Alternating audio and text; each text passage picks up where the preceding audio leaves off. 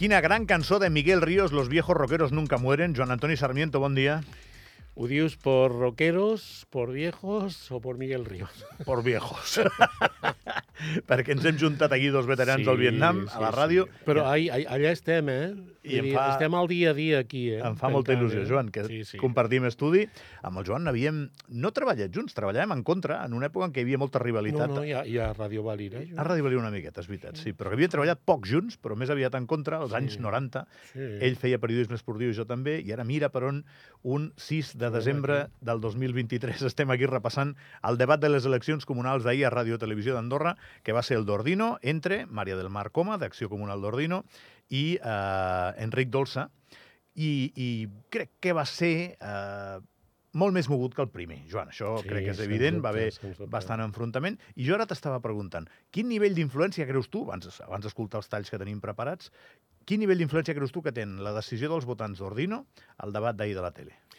Jo, jo és que, t'ho estava comentant abans, és que encara hi ha una visió per part d'algunes persones de la classe política de que a Ordino, a Canillo, encara es poden comptar els vots una setmana abans de començar les eleccions i deduir si guanyes o si perds. Això, quan hi havia un cens electoral que estava al voltant dels 500, 600, pues, no dubto que fos així. Avui en dia estem fregant els 2.000 2.000 votants, 2.000 persones amb dret al vot a, a Ordino. Per tant, jo no crec que sigui ja tan, tan, tan, tan eh, determinant això. Sí que és veritat que aquestes eleccions es perfilen amb dos blocs.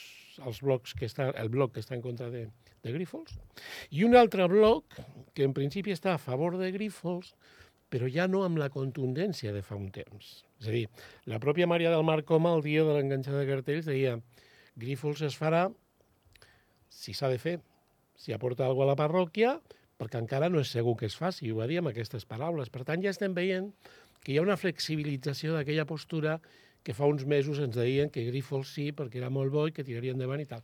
Ara ja no és tan evident, això. Tu i jo, que ja tenim uns anys, com he dit abans a l'inici, que estem per vigilar el Santo Grial amb aquell Mhm. cavaller de la pel·lícula, ja, més o menys, Sí. quan una cosa es parla tant no es fa a Andorra. Mira, ara, ara, ara et diré una cosa que jo... Estàs la- d'acord o no? Jo, jo l'apuntava ahir, ahir quan fèiem eh, aquesta peça que fem de prèvia dels temes més importants, que hi haurà a la parròquia que protagonitza el debat del dia, i jo deia una frase, i en aquesta frase deia mm, que hi ha veus que ja estan afirmant que Grifols no vindrà a Andorra. I atenció, veus autoritzades, eh? Jo no diré noms aquí i tal, però veus que són autoritzades. Quan eh? parlar de l'edifici The Cloud? De Cloud. Quan vam parlar de l'Arxiu Nacional? I que- del metre aeri. El metro aeri. Quan vam parlar del Museu Nacional, que van Sí. fer un concurs Exacte. amb els quatre millors arquitectes del món? Eh, quan vam parlar i escriure i, Claro. i es va fer? Cap Que- dels el- projectes aquests El, el fer. que passa és que aquestes veus autoritzades el que apunten és que des de la mateixa empresa de Grífols Sí? eh, no acaben de veure clar el tema perquè veuen que hi ha molta oposició. Home, si tu anar a un lloc que hi ha molt de follon, no aniràs a No posar diràs, una empresa. això, això sí, és evident, no? Perquè vas amb reserves i són els, Claro. teus, són els teus diners, no? Claro, claro, claro. Bueno, anem al debat. Va, Joan, expliquem el debat. Vinga. El debat va ser ple de retrets entre els dos caps de llista, especialment per qüestions econòmiques, hi va haver enfrontament, hi van haver algunes acusacions que jo diria greus en aquest sentit, i es va centrar en temes com, per exemple, el pla d'habitatge, eh, els temes econòmics, les finances comunals, i aquí ja va haver el primer enfrontament entre Coma i Dolça, Coma acusava a Dolça d'haver haver, haver estat la persona que havia generat un dèficit que actualment encara arrossega la parròquia. Aquí, doncs, eh, Dolça es va defensar dient que aquells diners sí que és veritat que hi havia un dèficit, però per ser perquè es van fer moltíssimes inversions, en aquest, en aquest sentit té, té raó, i que després ell tenia un pla d'amortització que passava per cedir una part de l'accionariat d'Ordino Arcalís a Crèdit Andorrà, que gent com Coma i d'altres van aturar, perquè ho van aportar a la justícia. D'això la gent se'n recordarà. Um, projecte Grífols, que suposo que tothom estava pendent de projecte Grífols. Què passa amb Grífols? El Sí. que passa el que escoltarem ara mateix, perquè sobre aquest tema Enric Dolça es pronunciava d'aquesta manera i després Maria del Mar Coma doncs, rebatia aquestes argumentacions. nosaltres hem col·laborat a que vostès puguin recollir la reserva biosfera amb tot això que li acabo de comentar. Però el que no vostè diu és com en volen col·locar un laboratori P3 a dins de la reserva de la biosfera. Això no ens ho expliquen. Vostès van demanar a la UNESCO si es podia posar un eh, laboratori, no, perdó, veritat. un centre de recerca a, a dintre d'una reserva de, la biosfera i li van dir que sí. I li van dir que sí, que es podia fer. I això vostè ho sap, el senyor Mengol ho sap, i ha amagat els papers perquè no li interessa. Ja veus que el tema era tens en aquest sentit, no? Després hi va venir, vam tenir tensió encara en un grau més alt, eh? però el tema Grifols està ahí a sobre de la taula i insisteixo, Maria del Mar com allí es reivindicaven el que havia dit dos dies abans. Si estem parlant de dues persones, jo crec que no es porten bé, no? No, aquesta tensió entre Dolça i, no? i Coma ja ve de lluny. Per això. Recordar, recordar que tot aquest mandat ella és consellera de Finances de, De l'actual comú. mm, De l'actual comú. Enric Dolça està a l'oposició i hi ha hagut hi ha hagut enfrontaments importants entre tots dos, no? Vull dir que, efectivament, són dues maneres també distants de veure quina és la realitat i el futur de la parròquia. Llavors, aquí salten espurnes moltes vegades. Deixa'm dir bé el nom dels dos grups que s'enfronten, dels dos dir grups perquè no són ben bé partits, no? són coalicions, o, o és un grup que ha aparegut. Units per Ordino és el de Dolça, que abans no ho he dit bé, bueno, no ho he dit directament, i m'he deixat dir tot el conglomerat de, de Maria del Mar Comà, que és ampli, eh? és Acció Sí, Comunal sí. d'Ordino, més demòcrates, més independents, més progressistes, SDP. Seguim, Joan. El de Ric Dolça, recordem que és un grup que aplega gent de PS, um, Andorra Endavant i per Ordino. Vull dir que també, Sí, també, estem allà amb un conglomerat important. també és una barreja important. Sí. Eh, efectivament, no? Un altre dels temes que va enfrontar els dos candidats va ser el famós eh, centre sociosanitari.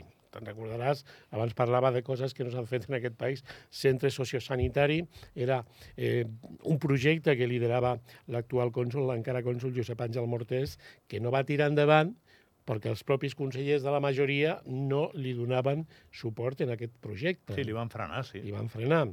Llavors, les argumentacions no han quedat mai clares del per què tot això. Eh? És d'aquelles coses que floten en l'ambient, hi ha rumors, es diu, es comenta, Però tu sí, després ho, tu, versió... tu sí ho deus saber. Sí, però no ho diré, perquè implicaria certs noms de la política andorrana que no vull i probablement després em tocarien les orelles. No m'ho diguis. No bàsicament, no bàsicament aquesta casa, que aquesta casa ens dona la llibertat necessària per dir les coses, però sí que és evident que has de tenir proves, no? i les proves no existeixen. Per això no es parla molt en profunditat dels motius. Maria del Mar Coma argumentava el fet de que, bueno, escolti'm, a nosaltres el projecte, com estava perfilat, com estava dissenyat, no ens agradava, això no vol dir que estiguem en contra, el recuperarem perquè el centre sociosanitari és necessari. I en aquest sentit, doncs, eh, Enric Dolça els acusava de que havien traït el cònsul actual. I vostè l'han traït, el cònsul actual, perquè van dir que sí, després van dir que no i tal i qual.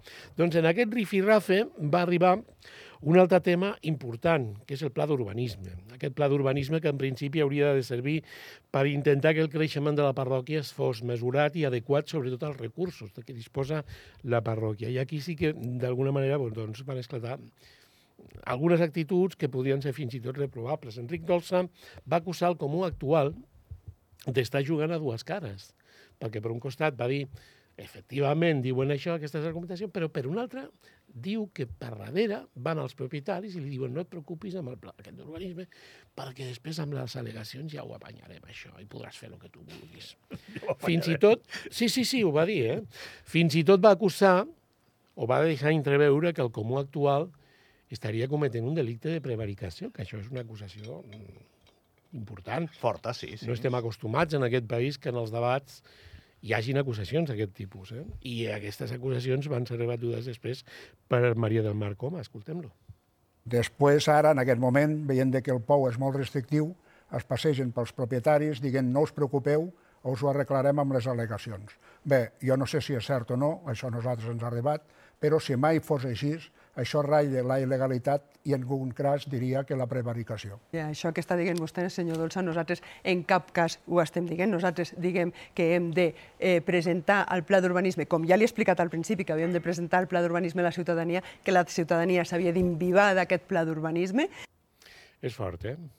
Sí, sí.